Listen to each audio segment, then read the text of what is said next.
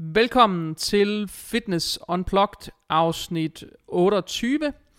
I øh, dagens afsnit, der skal vi tale om min sindssygt sunde familie, og det øh, foregår via øh, det foregår samtidig live via Instagram og Facebook, som man har mulighed for, hvis man ser med, og stille spørgsmål undervejs, og også stille spørgsmål, hvis man har undret sig over et eller andet i programmet, eller hvis man har et eller andet, man bare gerne vil byde ind med, så er der den mulighed. Og den mulighed synes jeg selvfølgelig, man skal benytte sig af, hvis man sidder lige nu og ser med. Der er også den mulighed, at man stiller spørgsmål om sin egen proces, eller hvad man selv kan gøre aktivt for i virkeligheden og, øh, at opnå bedre resultater. Jeg tager sådan en Q&A bagefter til sidst, øh, når vi ligesom er i mål med øh, lidt snak om det her med min sindssygt sunde familie. Hej Anja. Øhm, til alle jer, der ser med på Instagram og på Facebook, smid en hilsen i kommentarsporet, når I ser med. En lille, øh, en lille smiley, en lille emoji, øh, skriv hej, eller fortæl, om I har haft en god dag, eller et eller andet andet. Øh, mit navn er Jakob Christensen, og jeg er svært som øh, altid, og I kan finde mig på Instagram som by JS Christensen, eller på Facebook som Jakob Christensen, coach og personlig træner. I øh, dagens afsnit, der har jeg øh, min producer Jakob med mig, og Jakob han har også set de her afsnit. Vi havde faktisk ikke lige fået koordineret, om han egentlig havde set det på forhånd. Men øh, det har han. Han har set de første tre afsnit, og ikke det fjerde. Jeg har set det fjerde, og det er muligt, at det er fordi, jeg kan få lov at se foran, fordi jeg er TV2 Play. Så hvis der er nogen, der ikke har set afsnit 4, så kan jeg godt afsløre, at der muligvis kommer et par spoilers her. Så, så hvis man ikke har set det, så må man lige lukke ørerne, når de kommer. Uanset hvad, så håber jeg, at I får øh, rigtig god fornøjelse ud af det. Grunden til, at jeg øh, tager det her afsnit, eller ikke afsnit, men den her udsendelse øh, fra TV2 med øh, som et tema, det er ganske simpelthen fordi, at øh, jeg har haft noget fokus på det her på min Instagram i de sidste øh, par dage er tilbøjelig til at sige i går, øh, men det kan faktisk godt være, at det, det, det i virkeligheden var i forgårs, jeg havde det. Jeg havde en meget lang story om det, hvor jeg snakkede om noget af det her med, hvilket ansvar man har øh, som medievirksomhed, altså i TV2's tilfælde, hvilket ansvar de så har for at øh, markere øh, skjult reklame. Fordi øh, der er en øh, problemkonstellation med et af parne, og øh, det er det par fra Østerbro, som er de her biohackere. Og øh, det er der øh, selvfølgelig nogle udfordringer øh, med måden, øh, der er noget ejerskab i nogle forskellige virksomheder, som promoverer nogle af de produkter, eller de bruger nogle af de produkter i serien, som bliver fremstillet på en bestemt måde, og øh, det er selvfølgelig øh, ret problematisk, at man ligesom ikke får fremhævet fra TV2's side, at der er noget bias omkring det. Øhm, så det snakker vi mere om, og jeg har faktisk øh, også talt med Rasmus Just, som er faren i den her familie. Han har øh, efter min story, tog han faktisk øh, kontakt til mig. Jeg går ud fra, at han øh, var blevet opsøgt af nogen, der havde sagt til ham, prøv lige, at du skal lige gå ind og se den der story, eller noget i den stil. Øh, men jeg fik i hvert fald en meget i øvrigt høflig besked fra ham, og vi havde en, en god dialog om, øh, at det ikke var ham, jeg var ude med riven efter, men jeg var ude efter produktionsselskabet, fordi det er deres ansvar, at de får øh, markeret skjult reklame, og at de også får øh, gjort seerne opmærksomme på, at man altså godt kan have nogle medvirkende, der er biased øh, i forhold til, at de for eksempel selv sælger nogle produkter, som de promoverer aktivt i, øh, i programmerne. Øh, så, og det havde vi en god dialog om, og jeg anbefalede ham selv at tage fat på TV2 med det samme, og forklare dem, hvordan, øh, øh, situ- hvordan landet ligesom lå, og øh, hvad deres ansvar var. Og det har de faktisk påtaget sig. Det har betydet, at de er øh, de endte med at fjerne nogle scener ganske få timer efter jeg havde den dialog med ham. Så, øh, så det har tydeligvis virket, og det har der selvfølgelig været noget, øh, noget mediepostyr omkring, både BT og Ekstrabladet og sikkert flere andre af de der øh, små øh, aviser øh, og dagligblade har haft skrevet om det. Jeg har ikke været inde og tjekke, hvor mange artikler der er kommet om det, men jeg har set et par stykker, øh, og det er i virkeligheden nok til for mig at, øh, at vise, at der er blevet gjort noget ved det. Så man har i hvert fald rykket på det her, og det synes jeg er super, super, super positivt.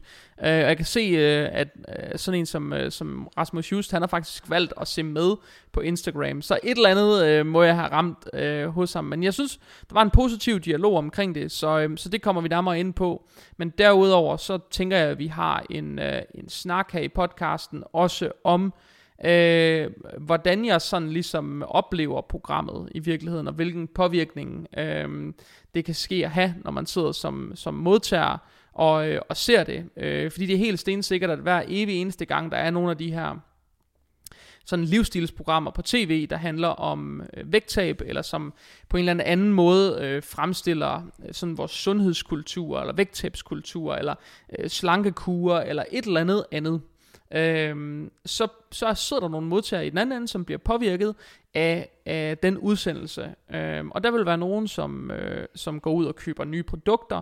Der vil være nogen, som, som går ud og lægger deres livsstil om og, og prøver at gøre et eller andet andet, fordi de øh, synes, de famler i blinde, eller ikke kan finde en rigtig formel, eller hvad, hvad argumentet nu er for, at man man beslutter, at nu vil jeg tage action på det her. Men det er helt stensikkert, at hver gang der har været et program, øh, som på den ene eller den anden måde handler om, om sundhed på den måde, så er der altid nogen, der reagerer på det. Og, øh, og der synes jeg bare, at det er enormt vigtigt, at man dels øh, som modtager og som forbruger, når man ser de her udsendelser, også forstår øh, vigtigheden af, at man godt for eksempel kan være biased øh, som medvirkende i en serie. Hvis man synes noget virker helt vildt godt, og man, så, så, vil, så er det klart, at man vil give udtryk for, at det virker rigtig godt. Øh, og derfor vil man også være biased, men det betyder jo ikke, at der ikke kan være noget andet, der virker mindst lige så godt, for eksempel. Og der er det bare super vigtigt, at man for eksempel har et produktionsselskab, som er rigtig gode til at markere, hvorfor øh, og hvorfor man for eksempel som medvirkende er biased, og også tage afstand fra nogle ting øh, som produktionsselskab, for ligesom også at markere, at det her, det kan være den medvirkendes holdning, og ikke nødvendigvis øh, produktionsselskabets holdning. Fordi der er nogle ret klare regler om det her med for eksempel skjult reklame, det ser vi jo også på sociale medier, vi ser herhjemme, at Instagrammer, som øh, har 6 og 7 cifrede øh, føl- antal følgerskare, øh, de i virkeligheden er begyndt at få nogle, øh, nogle ret hissige bøder. Øh, vi har set bøder i, øh, med seks cifre, fordi man har glemt at skrive hashtag reklame på et opslag, eller tre opslag, eller et eller andet, øh, eller fordi der har været en manglende dialog med forbrugerombudsmanden, eller at man ikke har taget sit ansvar seriøst. Og det er selvfølgelig et problem. Øh, og det er også et problem, at det er nogle retningslinjer, som er nemmere omgås, det vil sige, hvis ikke det bliver opdaget, for eksempel, at man har øh, brudt loven, så er det jo øh, ikke nødvendigvis et problem, men lige så snart det bliver, man, man opdager det udefra, jamen, så har man jo et problem. Men, øh, men ved siden af mig øh, har jeg min producer Jakob og øh, Jakob og jeg, vi tager en snak om noget af det her, og hvis det er tilfældet, at I ikke kan høre, hvad han siger, så, øh, så er det fordi, at vi sidder med hver vores mikrofon, som øh, vi selvfølgelig optager ugens podcast med, men der er, det er ikke muligt at slutte en mikrofon ekstra til Instagram, det er det til Facebook, men det er et enormt stort øh, bøvl og besvær, så som oftest, så kan man godt lige høre, hvad han siger i baggrunden. Hvis det er lidt svagt, jamen så må I, øh, så må I også tage det med. Øhm, Jakob, hvad, har du, øh, du, du har set de første sådan tre afsnit, tror jeg, vi blev enige om. Er det ikke, øh, er det ikke sådan der? Jo, altså jeg så hele sæson 1. Ja. Og så har jeg så, øh, det, er sådan, det er sådan en typisk program, min kæreste finder og spørger, om vi ikke skal se sammen. Det har der også været derhjemme Fordi med mig. ellers så ser jeg ikke sådan noget. Øhm, hvad skal man sige? Og i og med, at jeg det seneste halvandet år har arbejdet rimelig meget i den her træningsverden, øh, og selv har lavet podcast og sådan noget, og derfor har fået ikke en ekspertviden, men har trods alt opbygget mig en nogenlunde viden om nogle ting. Ja. En eller anden form for Øh, viden vil man jo præcis. opbygge, når man er i det, kan Ja, man sige. øhm, altså, hvis man tager titlen, den har jeg tænkt meget over. Hvis man bare starter der, min super sunde familie, eller hvad det hedder. Ja. Med sindssygt sund familie.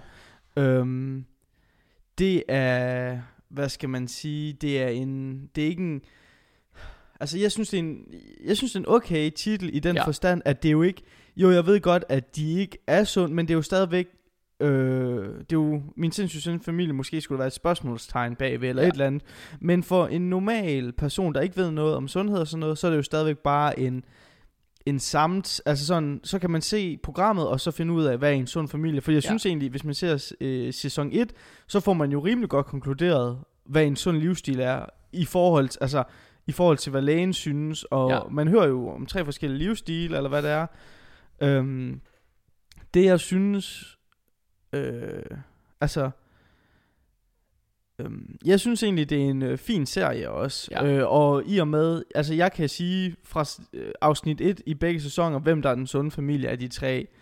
Øh, I hvert fald medicinsk. Ja, Jeg fik, jeg fik også sige. ret hurtigt, en- ret hurtigt en god idé, men jeg tror faktisk, jeg havde en idé fra starten i den her sæson. Ja. Men det, som du siger, det er sådan en ting, som jeg ser det med min kæreste, fordi vi synes, Ja. vi synes det er hyggeligt, men vi synes også, det er også lidt sådan noget, man kommer til, noget af det kommer man altså til at sidde og kommentere over. Ja, øhm, Især, og, men, men det er jo fordi, du har en, hvad skal man sige, øh, miljøskade. Altså, fordi at du, Jeg- det er en jeg har- arbejdsskade. jeg er helt sikkert miljøskadet, men øh, det, der er ingen tvivl om, jeg er miljøskadet. Men, men det bliver man jo, når man arbejder i det Præcis. her. Men, men øh, noget af det, vi også er blevet enige om, som sådan en konklusion ovenpå den her, øh, de første fire afsnit af den her mm. sæson, det er, at hvor er der bare nogle mennesker, især dem, som er, der er jo tre familier, mm. det kunne det være, jeg skulle starte med at sige, men der er tre familier i den her serie, der er de der, som man kan kalde biohackere, som ja. er sådan meget sådan nogle tech-folk, og som gerne vil måle og justere og regulere på alle mulige ting, og forsøge sådan at optimere mest muligt. Ja, Øhm, og vel hack biologien, så man får det bedre og lever længere og sådan Ja. noget. ting. Og så er der en, så er der en familie, som er, øh, som lever efter blodtype kost. Ja, hvilket Øhm, jeg synes, altså, jeg har ikke set deres resultater, ikke også? Men altså, fucking røg, altså. Det er, ja, der, der er så mange ting, der, der er fjollet med det der øh, blodtype kost. Og så er der sådan en familie, som er en bodybuilder-familie, og jeg Ja. har faktisk mødt Heine et par gange, for eksempel, Okay. som er med, og de gange, jeg har mødt ham, har han været sådan super cool øh, fyr, og egentlig bare sådan helt afslappet, og meget sådan rolig type. Men, Men- øhm, men det er sjovt at se sådan kontrasten mellem det. Øhm, Har og, han fået hans resultater øh, i det, programmet? det ser man i sæson 4, det kan godt være, at vi skal lade være med at nævne resultaterne okay. der. Men, okay. Øh, jamen, det er jo svært, fordi jeg vil, altså jeg kan ikke huske, jeg vil tro biohackerne, hvis man kigger øh, objektivt på den måde, de lever på, så lever de jo sundt, altså sådan Ja. i gåseøjne. Altså, de laver nogle skøre ting, kan man sige, men altså sådan, øh, generelt kan jeg godt lide farens indstilling, det der med, øh, at det er en, øh, det er en, øh, det er, din, det er vores samfund, der har lavet morgenmadsprodukter.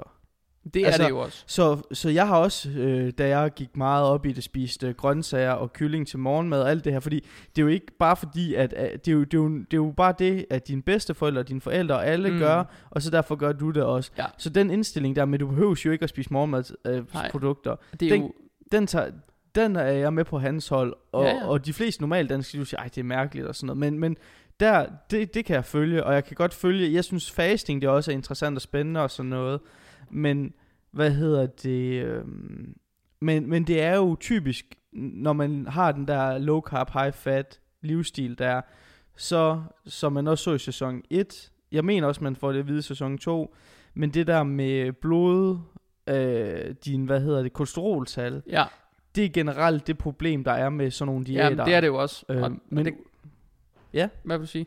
Nej, jeg vil bare sige, og, men udover det, og hvis du gør det ordentligt, du behøver ikke at have høj kolesterol, men det er fordi, man tager de der, hvad skal man sige, friheder, og tager de lidt lækre ting og sådan noget. Fordi du kan godt leve en low carb, high fat diæt på en smartere måde. Ja, ja, men der, kan, der er jo altid en måde at gøre tingene på, men man kan sige, at i sidste ende, så skal man jo have, øh, så har man jo et eller andet kaloriebehov i løbet af en dag. Men 100%. man kan sige, noget af det, der jo er, er om, bliver omdrejningspunktet for problemet, det bliver nu igen i sæson 2. I sæson 1 var der også en familie, der drak det der Bulletproof mm. Coffee.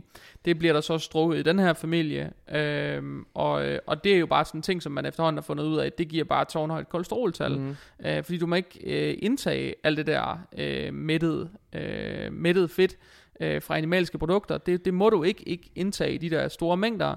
Og i afsnit 4 kan det godt være, der kommer en spoiler nu, men der er bare sådan, for mig er det rigtig sjovt, at de beslutter at gå fra tre pakker smør om ugen til nu kun to pakker smør om ugen. Hvor vi derhjemme griner lidt af det, fordi vi, vi bruger måske en til to pakker smør om året. Ja. Så det er bare sådan lidt sjovt, at det er på ugebasis, det der. Ja. Øhm, og det er klart, at jamen, man, hvis man lever en livsstil på den måde, jamen, så man skal jo have sin energi et eller andet sted fra. Mm. Og det, skal, det kan jo også, altså jeg, jeg har kendt mennesker, som har, som har drukket piskefløde hver dag, fordi de bare elsket det, og de bare synes, det var fantastisk med low carb, high fat, og de har været super lean og super slim, og i super god form, og kæmpe muskelmasse, og alting har bare fungeret for dem. Men bare fordi man ser sund ud udenpå, betyder det jo ikke, at man nødvendigvis er sund indeni. Nej. Øhm, så, så der er jo nogle ting, som jeg generelt vil være modstander af, men det vil der altid være. Øh, men jeg synes Ja, ja, ja. faktisk, overordnet set, den der biohacker-familie, altså selve ideen om biohacking, mm.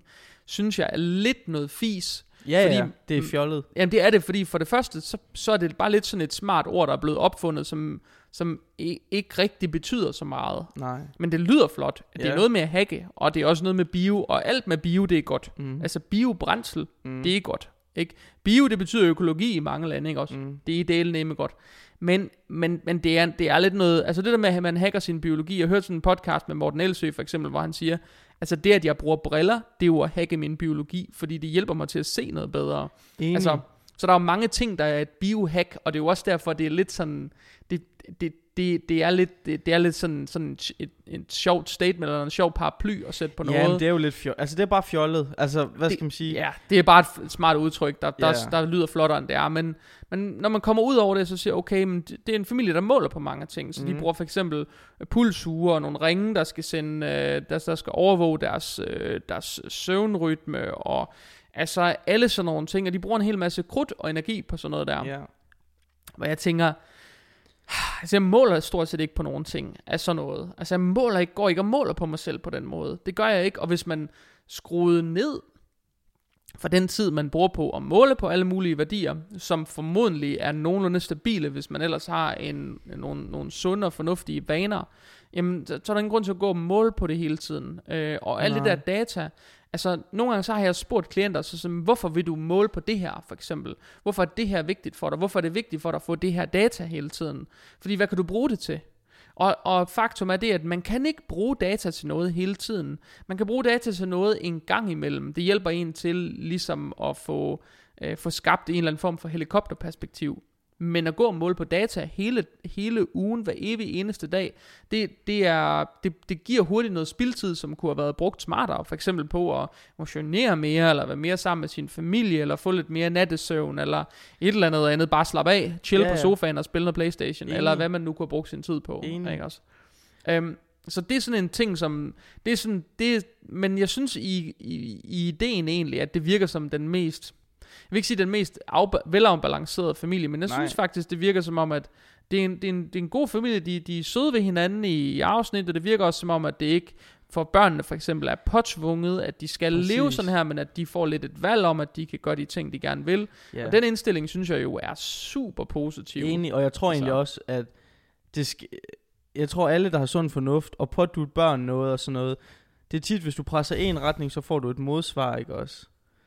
Øhm, jeg synes bare, at hvis man kigger, har du også set sæson 1? Øh, ja, jeg kan se, Rasmus Just, han har lige skrevet, breaking, mit kolesteroltal er nu normaliseret. Nå, det er pisse sjovt. Ja, Nå, men hvad hedder det? Nå, men det, er- det, altså, det, er jo, det er jo fedt at høre. Men hvad hedder det? Hvis man kigger på serien, tager, øh, hvis, hvis man, der er mig, som kender og følger meget med og følger alle de der øh, guruer i gås, og altså sådan alle... Ja, I man skal den- også lige passe på med, det der guru-ord, Ja, det er altså også men- bare et lorteord. Men, men ja, så, så alle folk, der, hvad skal man sige, går meget op i ting på, Ja. i sundhed og sådan noget.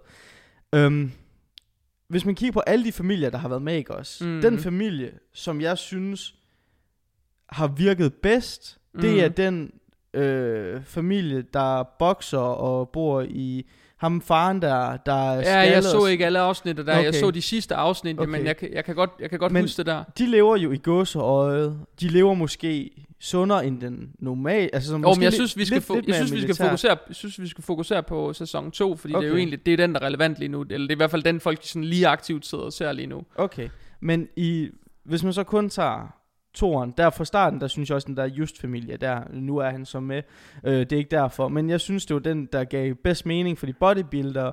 Jeg tror, de fleste, og det er igen, jeg har mange venner i industrien, og jeg si- siger ikke noget, men alle ekstremsport er jo ikke sundt. Altså, Nej. der er ikke noget, der er sundt i ekstremsport.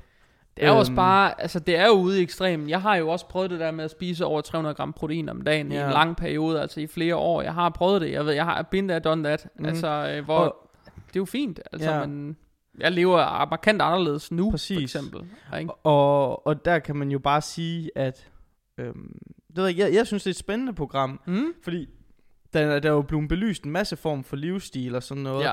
Men jeg synes, det, det eneste, jeg synes, der er skræmmende, det er hende der i... Øhm, det er ikke fordi, at jeg skal starte beef left and right på din podcast. nu på. På min Men- podcast, ja, men, men den fem, jeg synes bare, for eksempel, når du tager en person som hende i øh, blodkost, øh, Altså blodtypefamilien ja. der. at, står der ikke, at hun er selvstændig ernæringsekspert? Jo, der står, hun er ernærings et eller andet. Jeg ved ikke, om hun Nej, er ernæringsvejleder Nej, der står eller ekspert, noget. eller selvstændig ernæringsrådgiver, eller et Ja. eller andet i den stil. Og der har jeg det bare sådan lidt, at det synes jeg bare, fordi hun har jo tydeligvis, altså hun bruger, det, det er når du bruger, hvad skal man sige, øh, tro over fakta. Ja. Det er der, jeg synes, det begynder at blive Men farligt. hun er jo tydeligvis, og det er jo, det er jo lig, lidt ligesom jeg snakkede om, at det der med, at man vil være biased af nogle Ja. produkter, man sælger, for eksempel. Så hvis man har en butik, 100% der sælger proteinpulver, så vil man mene, proteinpulver, det er Enig. pisse fantastisk. enig. Ikke? Det er klart, at man skal være biased. Man skal, man, skal, man skal tro på de produkter, man sælger, ellers er der simpelthen noget galt. Enig, men, men når du tror, altså, hvad skal man sige, der er jo forskel på at tro på, du ved, proteiner gør det her. Ja, Og det er jo bevist. Altså sådan, der er utallige studies, der vil vise dig, at protein gør det her, og alt det her, hvor at der ikke er noget bilag for at sige, det her er så, altså nogle af de ting, hun gør, den er blodtypekost, jeg ved ikke, om den er reel, altså, og, og om det er gør noget fis. Præcis, og det er det, jeg mener. Og så når man går ud og, og skriver til hende, at hun er ernæringsekspert, så kunne man jo... Øh, Jeg tror altså ikke, det er ernæringsekspert, hun har så valgt er at det kalde sig. selvstændig ernærings Ja, et det, men det er et eller andet ernæringshalløj. Ja. Men, men så får hun jo stadigvæk kunder på baggrund af den her Ja. serie. Det tror jeg også, hun og, gør. Og, og dem vil jeg jo igen, det er ikke noget du siger, det er mit, øh, jeg siger, de bliver nødvendigvis ikke vejledt korrekt, fordi at hun, hun sælger et produkt, selvfølgelig som hun tror på, men som ikke har noget evidens bag sig. Ja. Og det er det, jeg mener, at, at Men, og det, altså, der var min, altså, jeg kunne i princippet sagtens sætte mig ind i den der livsstil, som for eksempel biohackerne der, de har den der, man ser sådan et klip, hvor de så får de ribeye til morgenmad, ja. og, og man spiser så tyk bøffer hver evig eneste morgen, det ved jeg nu ikke, om de gør, men, men det er jo også egentlig sagen uvedkommende. Mhm. Mm. Jeg kunne selv være den type, Mhm. mm. der hvis der stod en steak til morgenmad, så kunne jeg godt nogle gange have mere lyst til at spise en steak og et spejlæg, end jeg vil have lyst til at spise en skål havregrød. ja. Altså den type er jeg. Jeg, kunne, jeg er ikke det der, det der konstituerede morgenmadsprojekt med, at det skal være på en bestemt Mm. måde. Den er jeg ikke nødvendigvis tilhænger af. Det er ikke. Absolut ikke. Uh, så jeg kunne være på alle mulige hold med det der. ja. Altså, spiser for eksempel næsten altid varm mad til morgen. Altså jeg får, øh, jeg, jeg får stort set aldrig sådan skål kold et eller andet. Altså, Nej. men de der på blodtype diæten, altså det var der min, der var min hjerne bare ved at springe i luften. Mm. Mm. Og mest af alt fordi, som min kæreste hun sagde, nu fik vi resultaterne i går, Mm. øh, da vi så, da vi streamede øh, afsnit 4, så fik vi resultaterne på, hvordan det egentlig gik dem, hvor Mhm. hun sagde, tænk sig at leve så besværligt. Du ved, de laver et, for eksempel forskellige retter mad til forskellige personer, fordi det skal passe ind i alles forskellige blodtyper, og så er der ikke lige de samme ingredienser i, at det ene barn må få cashewnødder, og det andet barn må ikke få cashewnødder, og sådan noget, hvor det bare sådan, ah, det er ekstremt nu, mm. ikke? Hvor, hvor hun siger, tænk sig at tage så mange forholdsregler, tænk sig at gøre så ekstremt meget ud af sin kost, og så man bare almindelig. Fordi da de fik deres resultater, fik de at vide, at de var almindelige. Og der var et barn, de var meget bekymrede for. Det ene af børnene, der var de meget bekymrede for. Øh, jeg tror, de kaldte barnet Maddox. Og det hænger nok sammen med alt det der øh, nomologi, de sl- slæver alle børnene til for at gøre dem sundere, øh, fordi de tror på, at det er en ting, man bliver slank af, eller bliver bedre af menneske af, eller hvad ved jeg. Men man må gerne tro på nomologi, det er slet ikke det. Jeg synes, det er noget fis. Men hvis man nu er ude over at være biased af, jeg synes, det er noget fis. Hvis man er meget spirituel, så synes man sikkert, det er fantastisk. Og det er jo fint. Mm. Men det der barn, som de havde 5 dage ud af 14, var de mest bekymrede for. Fordi de vidste, at hjemme ved, øh, ved barnets anden forældre, øh, jeg tror, det var barnets far faktisk, der blev der ikke fuld blodtypekost. Og der spiste man noget andet mad. Der spiste man en mere almindelig varieret kost. Det var faktisk den, det, det, det var, det var den, øh, øh, det medlem i den husstand, der havde de suverænt bedste tal. Ja, ja. Det var det barn, der ikke spiste mest blodtypekost. Det var det barn, der spiste mindst blodtypekost. Ja. Det, Og- jeg synes, det er mega grineren. Og det, det grinte vi af. Altså da vi så det hjemme i sofaen, der, det er jo også meget opstillet, det er jo tv, Ja, ja. ikke også? Man har klippet en hel masse ting fra, og så Mm. får man virkelig fremhævet nogle ting, ikke? ja, ja. Hold kæft, vi grinede af det, ikke også? Jamen, det, er bare, jo, det er jo fucking sjovt. Altså, det er det. Og, det, og det, det, det bedste bevis på, at hun jo virkelig er, er ekstremt bev- overbevist om, at hendes, hendes metode, eller hvad skal man sige, det er den rigtige. Det var, da hun så gav sig til at diskutere med hende, der er Bente Klarlund, som er eksperten mm. i serien, gav sig til at diskutere med hende, om, om børnevacciner nu var sunde, og hvor meget aluminium de indeholdt, og at man godt kunne blive syg af det, og hun var faktisk ikke helt tilfreds med, at hun... Det virkede som om, og det var det, der var så paradoxalt, det virkede som om, de forældre, de ikke var tilfredse med, at de fik at vide, at de havde et barn, der faktisk havde nogle gode tal, fordi de var overbeviste om, at den der almindelige, traditionelle kost, barnet fik, hovedparten af tiden, faktisk var skadelig for barnet. Og det viser jo, at det, det var ikke øh, tilfældet i hvert fald på de der tal. Nej, og man kan jo også sige, jeg tror, altså, du kan komme langt med sund kost og diæt og alt det der, ikke også?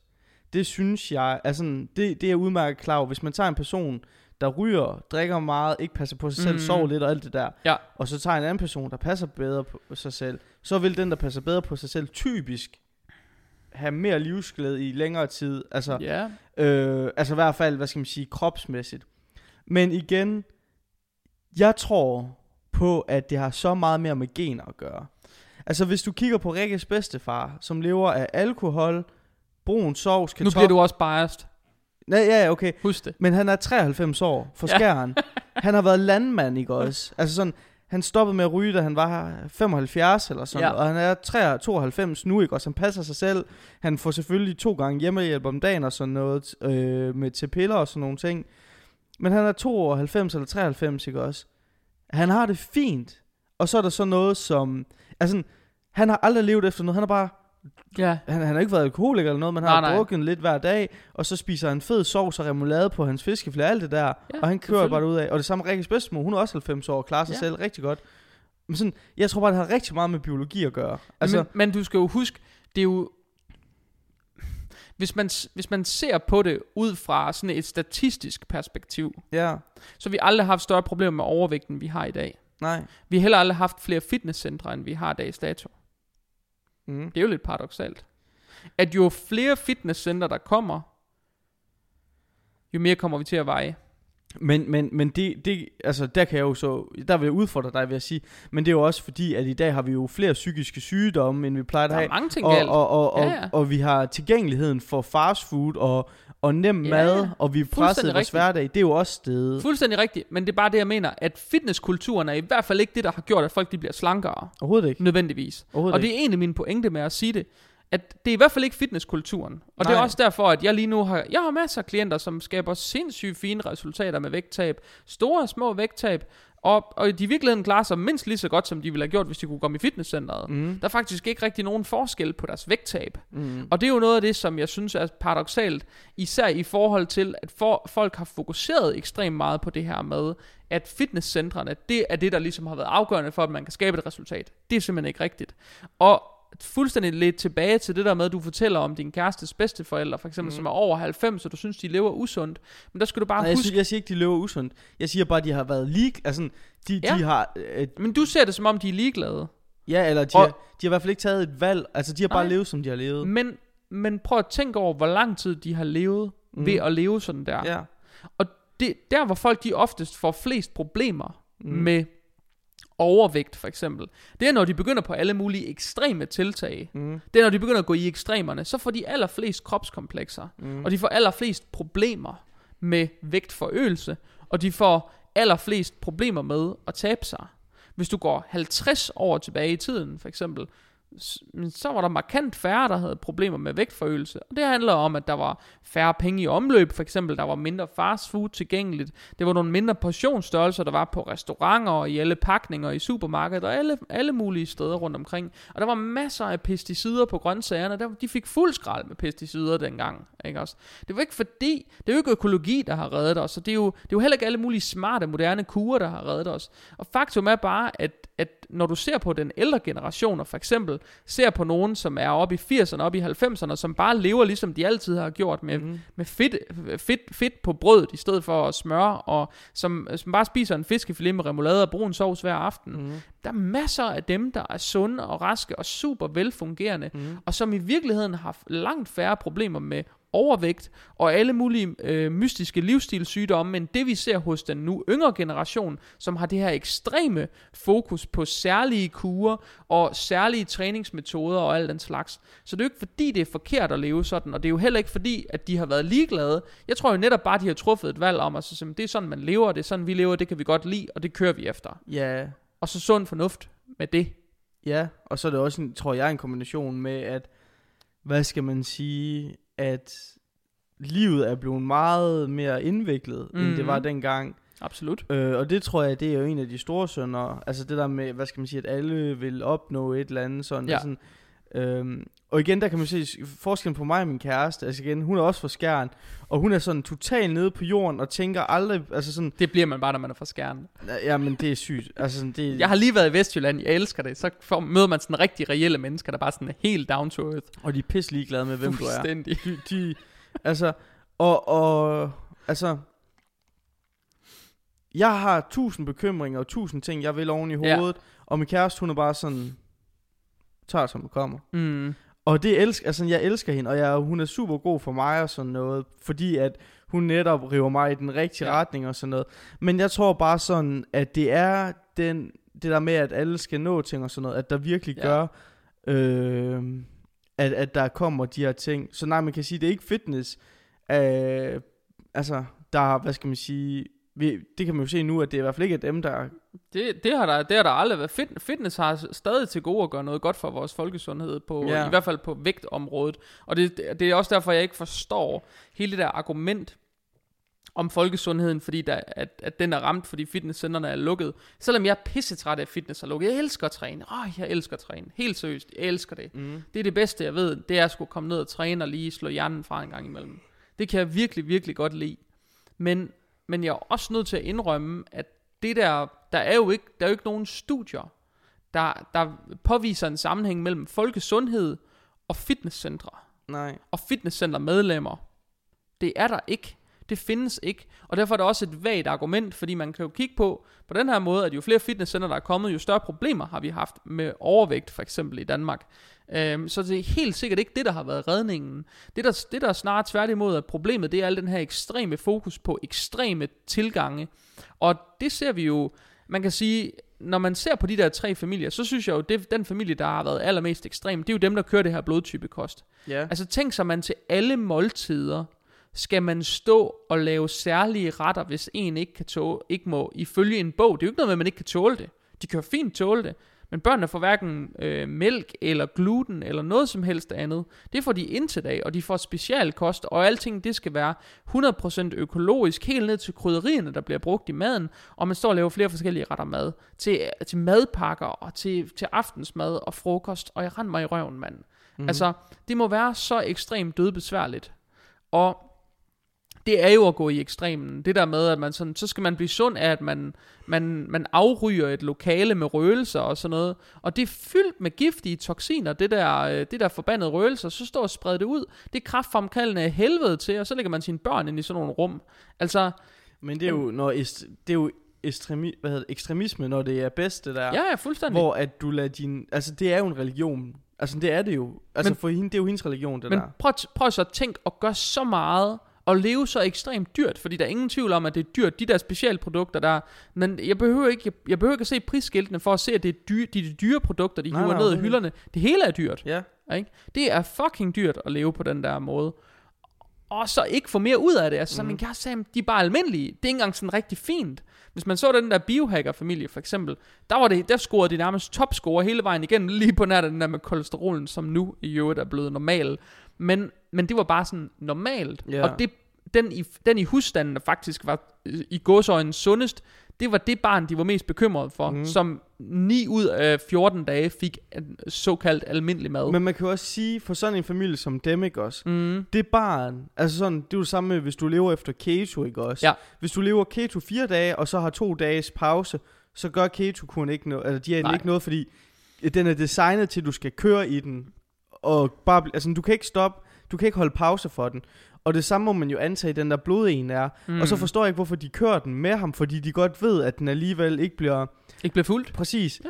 Og, og det er jo der, hvor at man må bare sige til selv, altså sådan, det kan godt være, at vi tror på det her, men ham her, han får ikke, og de andre børn, når de er ved deres øh, respektive andre forældre, mm. hvis de er det, så må man jo også antage, at de også lever. Altså, Ja.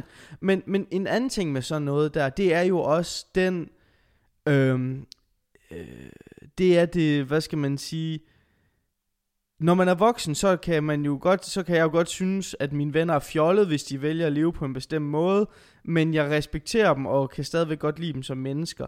Men mm. når du er Mm. barn, som hedder Thomas, eller hvad fanden man hedder, og så man får at vide, jeg kan ikke komme med til børnefødselsdag, for, altså du bliver jo ekskluderet fra fællesskabet, Ja. fordi at du ikke kan leve som de andre, og det vil sige, du kan aldrig få kage, når de andre får kage. Altså, du, du, du, du tager jo egentlig dit barn og, og giver den Mm. en klods om benet, eller hvad man skal sige, fordi, og det kan jo så sjovt nok føre til alle mulige psykiske lidelser senere hen. Og, men vi så jo vi så jo det bedste eksempel på det der med, at det hele bliver meget ekstremt, og man bliver ekskluderet. Det, mm. det ser man jo i, ud, i udsendelsen, hvor faren han sidder og snitter kalendergaverne Ja, ja, ja, til børnene op for at tage en eller anden sådan, sådan mælkechokolade pind eller Han sådan noget til en kop kakao han, ud. han, han, han følte jo, at det var terrorisme over for dem. Altså, han følte Ja, jo, han at, følte, de blev forgiftet, eller hvad det var, Nej, han men han sagde. sagde, det er jo decideret, øh, hvad hedder det, ja, det er jo de, og han snakkede om det som gift. Ja, ja, præcis, at han siger jo, at de, de prøver jo decideret at forgifte deres børnebørn. Ja. Og det er jo bare meget langt fra rigtigt. Ja, altså, jeg, jeg, jeg kan følge så langt det der med at spise sådan nogle øh, syntetiske gumfiduser, der, der er lavet af plastik i gods. Det er ikke lavet af plastik, det er bare lavet af sukker. Ja, ja, men, men så, sådan nogle ting, altså, de, jeg kan godt forstå, at man tager og siger, at man skal ikke have så meget. Det er, at man Mm. hellere vil vælge noget mere naturlige stoffer og sådan noget. Øh, Eller hvis, du ved, hvad jeg mener. Men sukker er Ja. jo faktisk en af de ting, som man virkelig har testet på, at, øh, hvad hedder det, øh, sukker er jo faktisk en af de ting, som man virkelig har testet på, om er giftigt. Altså man har virkelig afprøvet ekstreme mængder mm. af Mhm. sukker, for at finde ud af, om det er giftigt, og det er det jo ikke. Nej, nej. Altså, og, og et, et eller andet sted, så jamen, der er bare så mange andre ting, der er mere giftige. For eksempel det der fucking røgelse, de spredte mm. rundt i lokalerne. Øh, det er jo pissegiftigt. Mm. Ikke? Øh, men, det, men det er der ikke nogen, rigtig nogen snak om i det der program. Øh, det, det, det, det forholder hun sig heller ikke rigtig til. Hun bliver heller ikke rigtig mødt af det. Øh, det er bare ligesom om, at det er okay. Øh, og det er da også okay, hvis man synes, det er fedt. Men stearinlys for Men- eksempel er jo også mega giftige. Det er der jo også sindssygt fokus på lige nu. Men du kan jo også, altså... Jeg synes jo ikke, det er okay, fordi barnet har jo ikke et, de, de kan jo ikke selv træffe, at jeg ikke vil forgiftes. Så synes jeg jo, det begynder, det er fandme også sarkastisk, at faren sidder og siger, at deres bedsteforældre forgifter deres børn, når hans kone literally forgifter hans børn. Ej, jeg ved ikke, om hun forgifter deres Nej, børn. men, men altså i hvert fald, øh, hun gør i hvert fald ikke deres livskvalitet bedre. Nej, altså jeg vil sige, øh, hun gør nok deres liv ret besværligt. Der kommer jo et tidspunkt, hvor de skal til at forholde sig til, hvorfor er det, jeg spiser så meget anderledes end alle andre børn. Mm. Det er jo ikke noget, de selv har valgt, og det er jo faktisk noget af det, der er min største anker omkring sådan noget. Det er det der med, at børn ikke selv får lov til at vælge, Ja, men at de bliver påduttet noget. ja. Øh, og det synes jeg faktisk er noget af det, øh, det, det synes jeg er noget af det værste sådan at se på. Det jeg mig ikke rigtig om. Og det er jo også noget af det, man kan se, at hvis, øh, hvis børn er blevet mødt med ekstremt mange begrænsninger, og ekstremt mange ting har været forbudt, så får de ekstremt store øh, problemer med, øh, når de bliver udsat for de her fødevarer senere i livet med at styre det. Mm. Altså styre indtaget af det, så har man for eksempel et barn, øh, for hvem at det er forbudt at få Nutella-mader. Jamen, hvis det bliver ved med at være forbudt, og det aldrig rigtig er noget, der bliver tilladt, så kan du godt regne med, at der kommer en dag, hvor det der barn virkelig skal have nogle Nutella-mader. Ja, altså, om det er den dag, han flytter hjemmefra og køber Yes. to kilo. Altså, jeg har et, Jeg en kender flere eksempler af Ja, det der, ja. hvor de lever af Nutella en hel uge. Altså, Jamen, den en- første uge, de flytter hjemmefra, det er bare Nutella. Jamen en af mine øh, gode klassekammerater, jeg gik med, øh, hans mor, hun, altså de levede ekstremt sundt derhjemme, ikke også? Og hans mor var hjemmegående, fordi faren tjente rigtig gode penge. Mm. Og hun lavede sådan ranch, razzia nede på deres værelse med slik og sådan noget. Ham fra min klasse, ikke også? Hver gang han havde penge, så stod hun ude i skoven og spiste blandt selv slik, til han kastede op. Ja, Altså, Nå, men- nå, men det gjorde, fordi hver gang han det havde er også penge... bare så absurd. Ja, men det var fordi, at det var så, altså sådan, blandt selv slik hjemme ved dem, det var jo, det jo blevet sat op på en pedestal, altså, og, og gjort til så meget mere, end det er. Så hver gang han havde penge, så spiste han så meget, at han kastede op, også faktisk kondi og sådan noget. Altså sådan, øh, og det er jo bare, igen for at forstærke det, du siger, at når mm. du øh, når du gør noget enten forbudt, eller gør det til mere, end det er, Ja. Jo så... jo mere ekstreme krav man stiller, og jo mere forbudt noget det er, jo større problemer får man i virkeligheden med at styre indtaget af de fødevarer. Det kan man jo se i videnskab. Det er ret veldokumenteret. Men sådan har jeg det også selv det, jo. det får man problem. Det er selvfølgelig. Hvis du får at vide, der er noget, du ikke må, så har du lyst til at gøre det. ja. Ikke? Vi så det for eksempel også i... Øh, der var sådan en DR-serie, hvor der var nogle par, der skulle tabe sig sammen. Jeg kan ikke engang huske, hvad det var, det hed, men det kørte sidste år eller forrige år. Mm. Det var der også ret meget debat om. Øhm, og øh, i den serie er der et tidspunkt, hvor de bliver udsat for en seksolog, som øh, siger til dem, at nu må de ikke have sex mere. Og det eneste, der sker i det program, det er, at alle parne får lyst til at dyrke sex med hinanden. Mm. Til trods for, at det har de ikke haft lang tid, i, eller haft lyst til i lang tid, så er det, så er det konsekvensen af, at de får at vide, det må du ikke mere. Så er det så er det, det de vil. Mm. Og, og, og det er jo noget af det, der er paradoxalt. Det, og det, er jo- det er jo det samme, der skete, da øh, Mette Frederiksen hun gik ud og sagde, nu må I ikke hamstre. Mm. Det der hun sagde, at vi ikke måtte hamstre, så skulle alle ud og hamstre. Og det, det giver jo ikke nogen mening, men det er jo igen det, vi får at vide, vi ikke må. Det er det, vi får lyst til at gøre. Mm. Vi hører simpelthen ikke det der ikke. Vi hører i virkeligheden bare, at nu skal I hamstre, i stedet for, nu skal I ikke hamstre. Så, Ja. vi, så, det, så det, er noget, det, er, det er sådan nogle ting, vores hjerne øh, pludselig begynder at udelukke i virkeligheden. Øhm, vi, vi er ikke gode til ting, vi ikke må. Vi er ikke gode til ting, der er forbudt. Det er også derfor, det er så svært for folk lige nu, at de ikke må komme i fitness, fordi der er nogen andre, der er bestemt, de ikke må. Kontra, hvis alting var åbent, så ville der være super mange brugere, der lige nu sidder og brokker sig over, at fitness har lukket, som alligevel sikkert ikke vil bruge fitnesscentrene, Ja, hvilket er øh, endnu mere paradoxalt. Ja.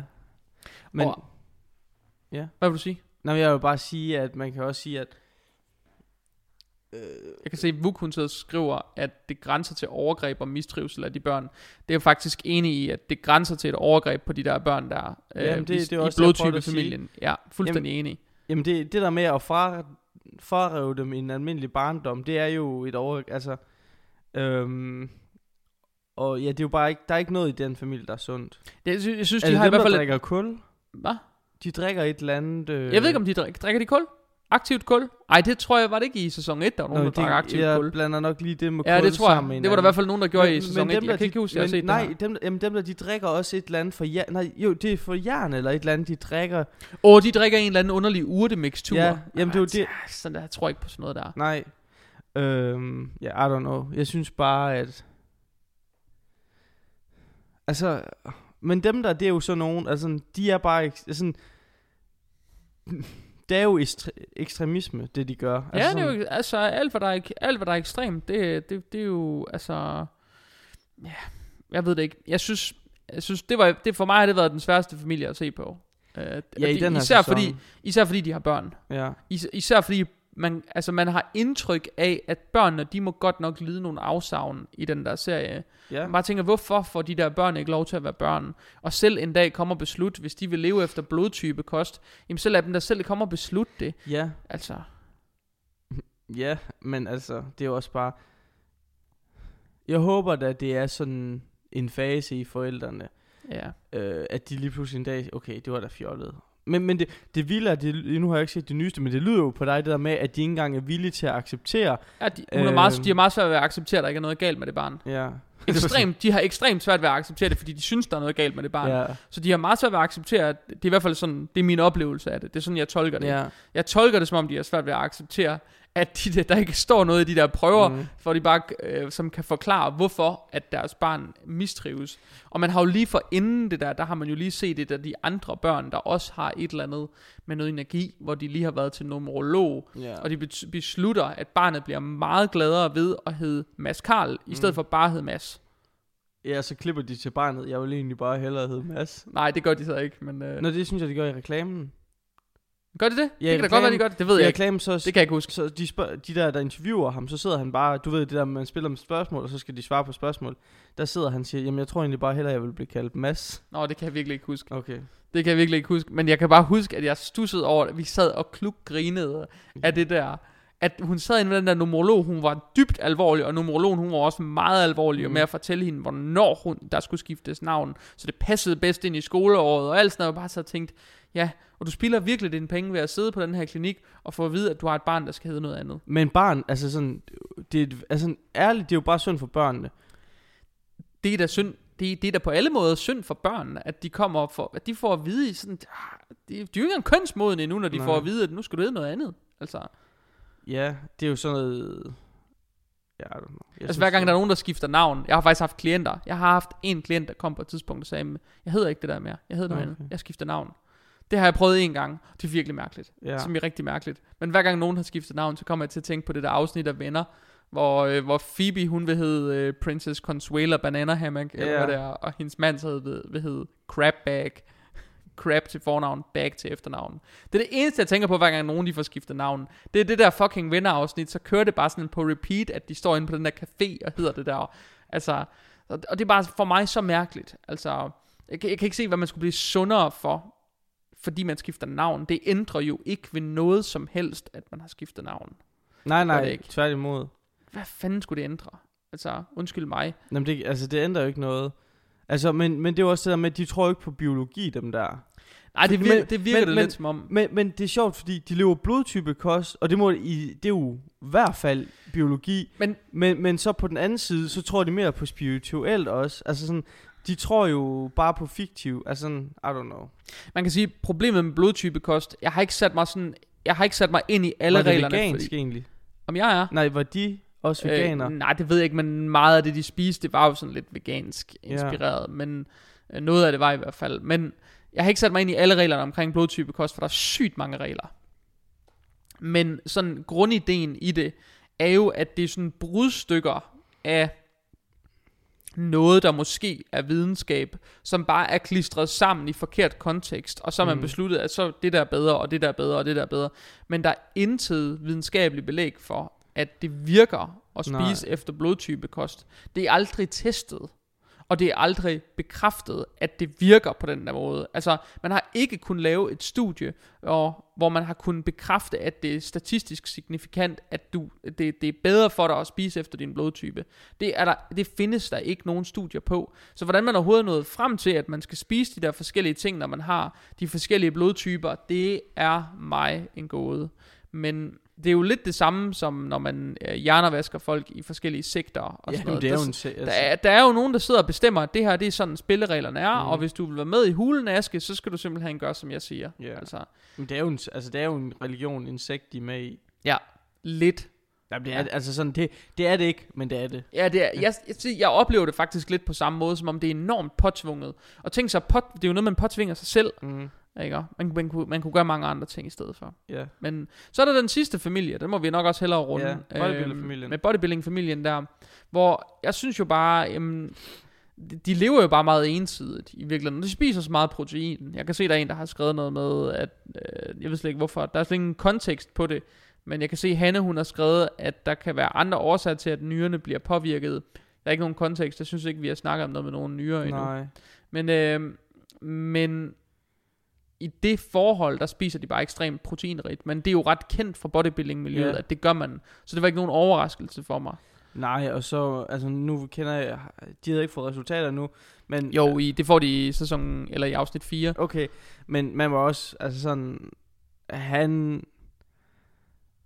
altså, det, det er jo ikke, der, jeg mener, altså, jeg ved ikke, nu må du rette mig, hvis jeg tager fejl, men det er jo ikke sundt at spise så mange kalorier altid.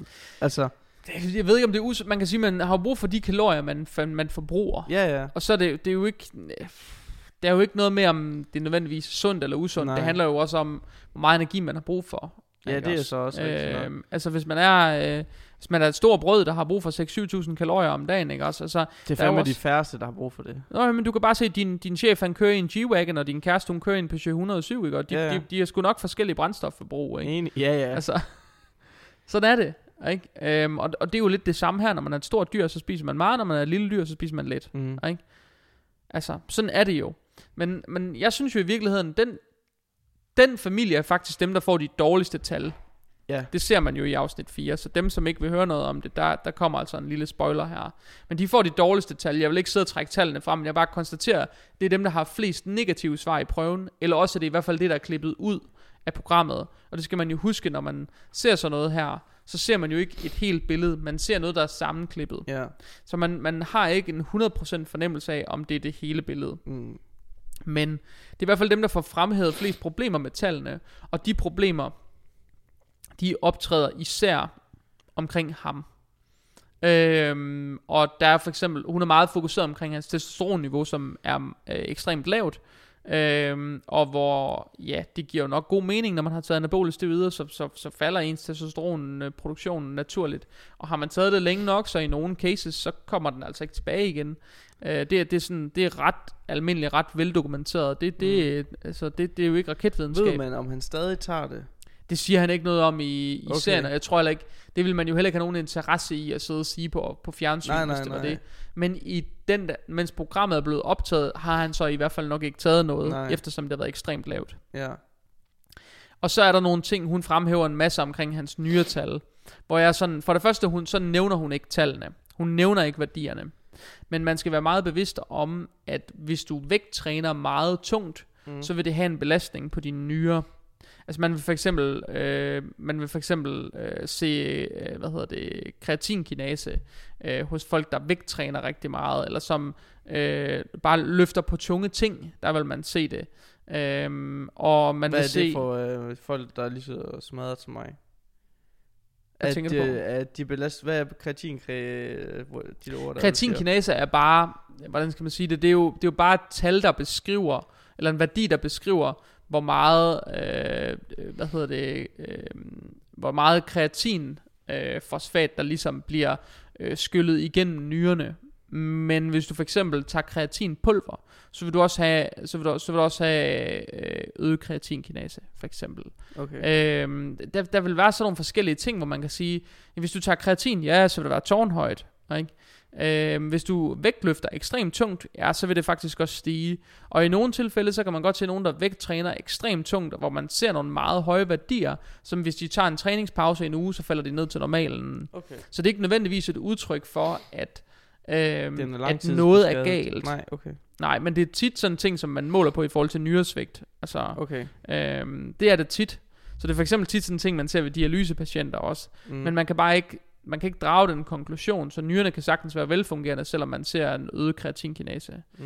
Altså så, så det er der for eksempel noget i. Øhm, og ellers så spiser de bare ekstremt meget protein, virker det som, som om. Men det er også det, der er meget fokus på. Mm. Man ser i alle klippene med dem, at der står sådan store stakke af proteinpulver i baggrunden, hvilket jeg synes var lidt sjovt, de havde bygget det der, det der bjerg af proteinbøtter inde i stuen. Det ville jeg så nok ikke have gjort. Jeg ville nok have puttet dem ind i køkkenskab. Men det er jo, der har vi jo forskellige. Og det kan også være, at det har været noget reklame, de har fået. Øh, og Hashtag reklame. hashtag reklame, altså apropos det der med... Øh, Jamen, så var jo også med ud og, de lever nok også dyrt. Man var jo med dem ud og handle de der protein ting der. er Sådan Ja. noget. Men, men igen, som du siger, de er bodybuilder, og de er fokuseret på deres kost. Så derfor der er det bare meget protein. Øh, Ja, jeg ved ikke, om det er noget, de har fået sponsoreret, og hvis det er, så er der Nej. jo også noget skjult reklame Ja, ja, der, og man kan sige, i, i mange afsnit, der har de alle sammen reklame, de har begge to reklame-t-shirts på, for eksempel. det kan også være nogen, der har fået til ting. et stævne og ikke tænke. Altså sådan, jeg har også øh, en, øh, for eksempel øh, nogen, hvor t-shirts derhjemme, hvor jeg har været hjælper til et arrangement eller et eller andet, hvis du ved, hvad jeg mener. Ja. Så betyder det jo ikke, at de er sponsoreret af dem. Det er jo bare en t-shirt, de måske har vundet for et eller Ja, andet. lige præcis. Det kan jo også være, det kan være, at de en, hey, øh, I får lige rabat næste gang, man siger dem her på. Det ved man jo ikke. Men, ved man ikke, men, men, det, men det, det, være- virker, det virker ikke malplaceret. Så det virker som noget, de måske normalt ville have på i deres dagligdag. Præcis. Og, og det er bare fordi, de lever den livsstil, de lever. Ja. Så det virker ikke på den måde, som om det er skjult reklame. Fordi det er meget åbenlys reklame. Mm. Øhm, men stadig burde der have været fremhævet, at der er her noget skjult reklame, hvis det var tilfældet. Enig. Øh, hvis det var tilfældet, at den, der er for eksempel øh, sådan en, øh, en forretning, der sælger øh, sådan kosttilskud i Aarhus, Mm. de besøger, og der har øh, Heine i afsnittet, der har han for eksempel en t-shirt på på et tidspunkt med et logo på derfra. Og hvis det er noget, han er blevet bedt om af den forretning, eller noget, han har fået penge for, eller noget, Mm. han har fået rabat for, eller et eller andet, så skulle der have været fremhævet i programmet. Ja. Fuldstændig på lige fod med, at det i programmet også skulle have været fremhævet, at sådan en som Rasmus Just for eksempel, det er jo noget af det, at problematikken går på, at i programmet bliver de jo fremhævet med jobtitler. Og jeg kan ikke 100% huske, hvordan det er, hans jobtitel er. Det er men bare selvstændig. Ja, men det er noget med selvstændig, og noget med investor, eller sådan et eller andet øh, i den stil. bare- Jeg kan kun huske, Eller forretningsudvikler, eller virksomhedsudvikler. selvstændig. det er sådan noget i den noget. stil. Ja, ja, ja. Hvor i stedet for, der burde man nok have nævnt, at han for eksempel, det for eksempel er ham, der, der sælger de der øh, øh, 3X øh, Mm. mm. elastiksystemer. ja. Det havde jo været helt legitimt at vise det i programmet, hvis man havde nævnt, at det var ham selv, der solgte dem, og havde ene forhandling på dem i Danmark. Ja. Det havde jo, men, men, men det er ikke, det, det, det, det går ikke, og det er, jo, det er jo der, hvor TV2, de kikser, det er også derfor, de scener, de bliver klippet ud. Man kan også se det på streamingtjenesterne, der var flere afsnit, der fjernede i går, fordi at der skulle klippes scener ud, og det skulle laves om. Men der er jo et problem i, at man lige glemmer at fremhæve, at her er en, ja, han skriver selv, erhvervsmænd og investor, så der er noget mm. i den stil. Men de har jo et ansvar for at informere forbrugeren om, at der vil være noget skjult reklame. Det samme med det der, det der røde lys, for eksempel, de mm. bliver påvirket af. Der er også noget, kan også være noget der. Og sådan kan der være noget med mange ting, men man skal bare være ekstremt opmærksom på, som produktionsselskab, mm. at man har altså et ansvar for at for, for ligesom at, at opstille tingene på, på en måde, så seeren ikke bliver ført bag lyset. Fordi Ja, det, er jo, ja. det er jo faktisk det, der går hen og bliver problemet. Ikke? Jo, jo. Øhm, ja, det er det jo. Hvad hedder det? Ja, det der lys, det er også sjovt. Men det ved, jeg har arbejdet i kosmetikbranchen. Og der bruger man jo også meget lys til Mm. mm. øh, behandlinger og sådan Ja, noget. men, der er ikke, men det er bare, Øhm, han er, han er for eksempel, øh, han er bestyrelsesformand Ja, i, en, dem, i, der- i, en, i en stor virksomhed, der, der, Ja. der producerer noget lysterapi. Mm. Og jeg gik ind på hjemmesiden, så var der sådan noget lysterapi til, øh, til Alzheimers patienter. mm. Men man kunne også sagtens forestille sig, at han havde været med på noget udvikling af for eksempel det der røde, jeg ved ikke om det er sådan noget infrarødt lys, eller hvad der, er, der bliver Jeg tror brugt bare, helt det præcist. er rødlysen, Øh. hvad hedder det?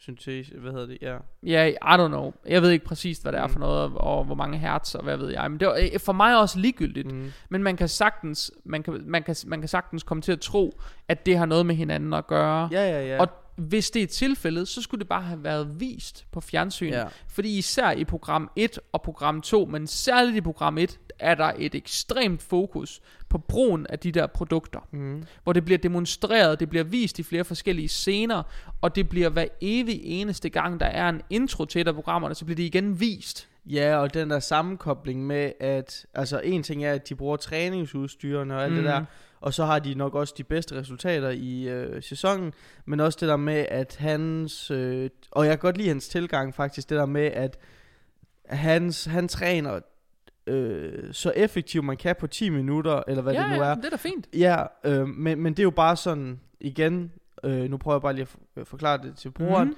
fordi når, når jeg ser det, så tænker jeg, kan jeg se sådan ud, hvis jeg træner 10 minutter om dagen?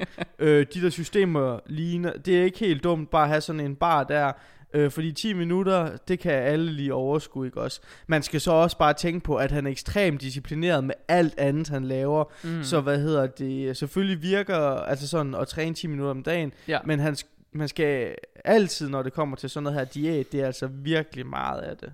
Ja, men, men igen, altså, jeg er sådan set ligeglad med, hvordan de træner. Jeg er faktisk også fuldstændig ligeglad med, hvordan de lever. Enig? Men jeg synes, det, det, jeg, gik- det jeg gik på barrikaderne over, det var, dels hvor let var det at finde ud af, hvordan sammenhængen var mm. i de Mhm. der ting, i forhold til sådan det journal...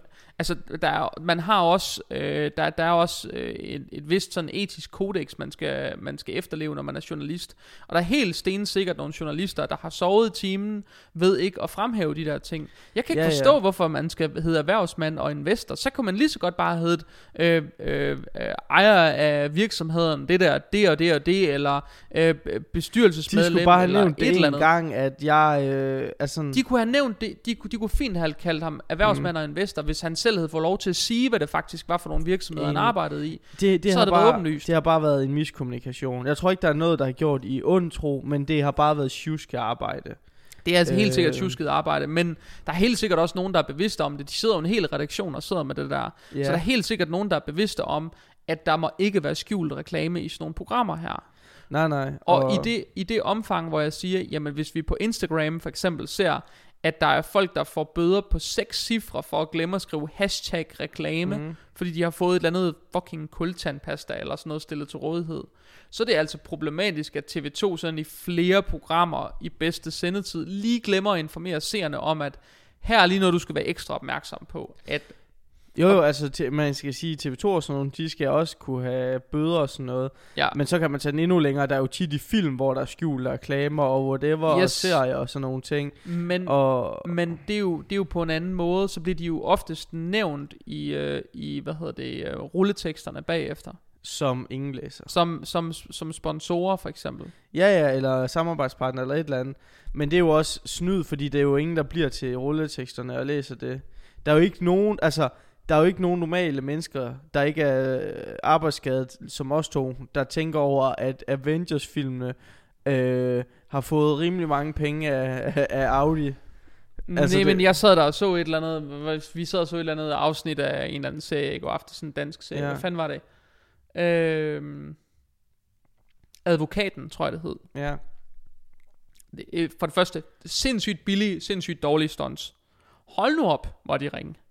Det er en ting. Men det er sådan en okay historie, der er i det, så man kan godt sådan leve med det, men det er sådan virkelig dårligt, som i ekstremt dårlige stunts.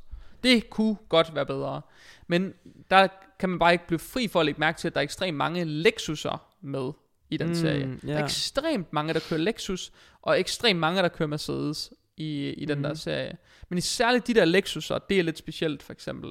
Og der er flere sådan ting øh, med altså sådan bestemte, men det er der jo altid bestemte computerprodukter, Mm. altid bestemte telefoner, de skal bruge. Det er altid sådan bestemte ting, der bliver fremhævet. Og det er jo fordi, der sidder nogen i den anden ende, som er med til at sponsorere det og betaler for, mm. at det her, det skal være en del af slutproduktet. Ja. Det skal man jo huske, at det er jo nogen, der er med til at finansiere det. Det her, det er noget andet. Det, er jo, det her, det er jo noget, man har meldt sig til gratis. Ikke? For at være med i en form for et dokumentarprogram. Ja, eller for eksponeringen. Eller for eksponering. Det, jeg kunne jo godt, som, som, altså hvis det er for eksponeringens skyld, de har meldt sig, så synes jeg, det er, det er jo søst et genialt træk. Altså markedsføringsmæssigt er det jo fuldstændig genialt at melde sig til sådan noget der, for at blive eksponeret. Det er kongereklame. Det kunne man ikke have fået billigere på andre måder, fordi de har kun leveret deres tid. De har ikke betalt penge for reklamer, de har ikke betalt penge for produktionen af det, og de har bare fået det sprøjtet i ansigtet på danskerne i mm. bedste sendetid. Så på den måde er det en sindssygt god reklameeffekt. Men man vælger jo... Øh, Nå, han skriver selv, at han ikke noget med det røde lys at gøre, og det er jo en vigtig information, Mm. at han ikke har noget med det røde lys at gøre, fordi det kan man jo godt øh, få en ledis til at tro, når man for eksempel kan se, hvad han ellers arbejder med. ikke også? Ja, ja. Men, men det er jo bare, det det, det er 100% TV2, der sidder med lorten her.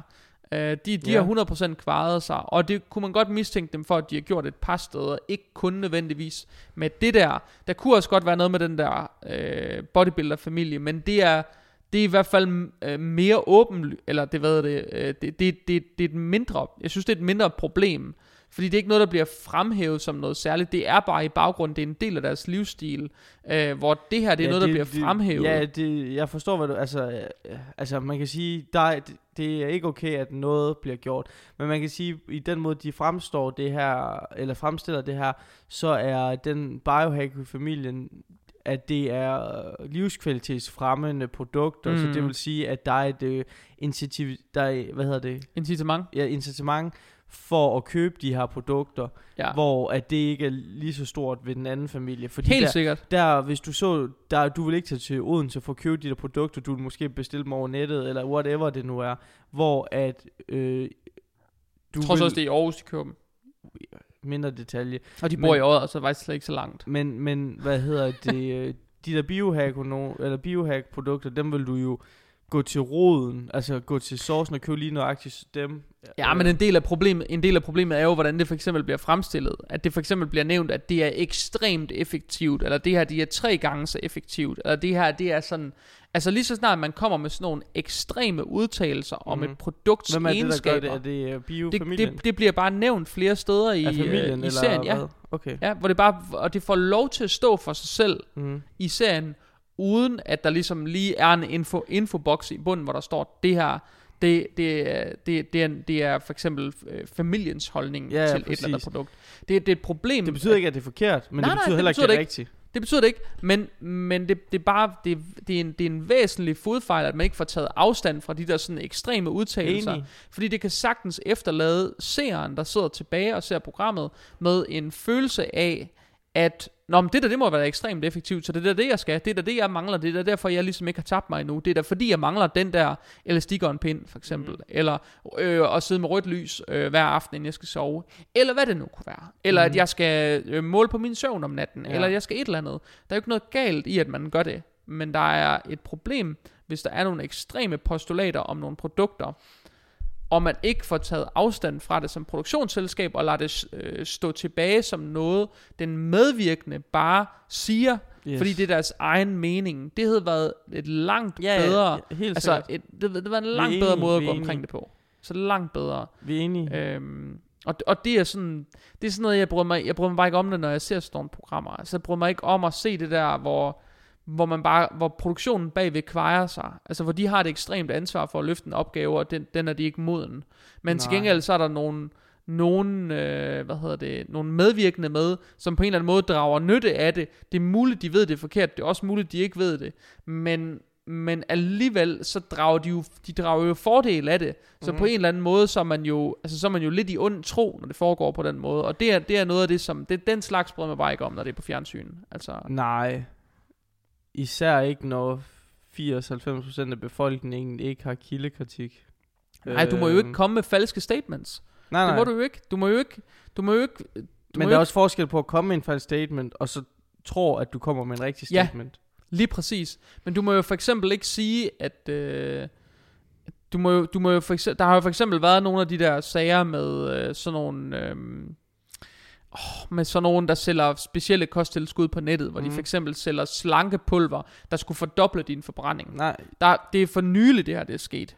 okay. Hvor der er nogen, der har solgt sådan noget slankepiller, der skulle fordoble din forbrænding. Det vil sige, hvis du er vant til at forbrænde 2.000 kalorier, skulle du, skulle det blæse op til 4.000 kalorier, Det er for eksempel. Kan du skaffe mig nogen? Og jeg vil nok tage to om dagen, tror jeg. Ja, for satan. Yes, sir.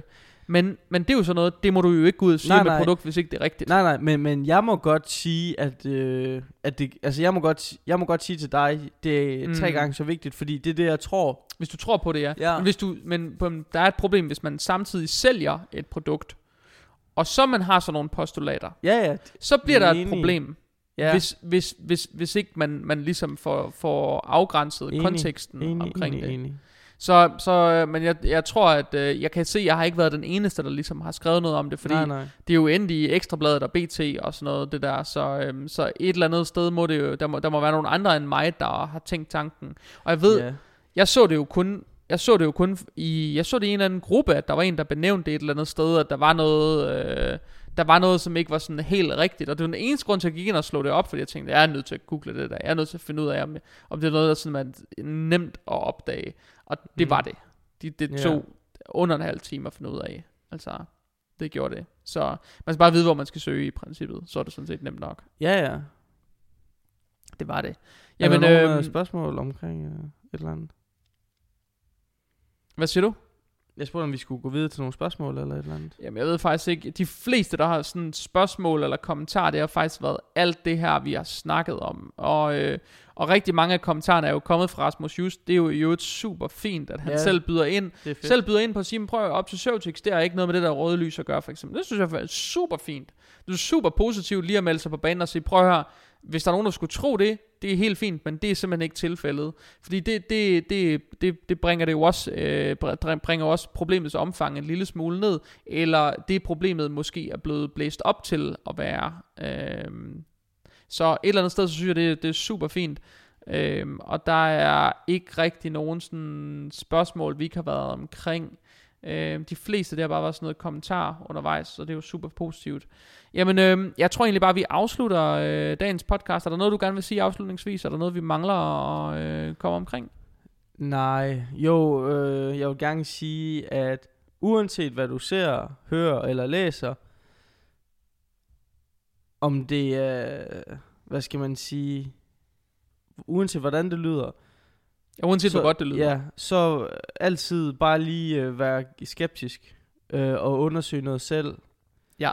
Øh, og det gælder med alt i livet. Priser på, uanset hvad du køber, øh, hvad du får tilbudt, hvad du selv tænker og sådan noget.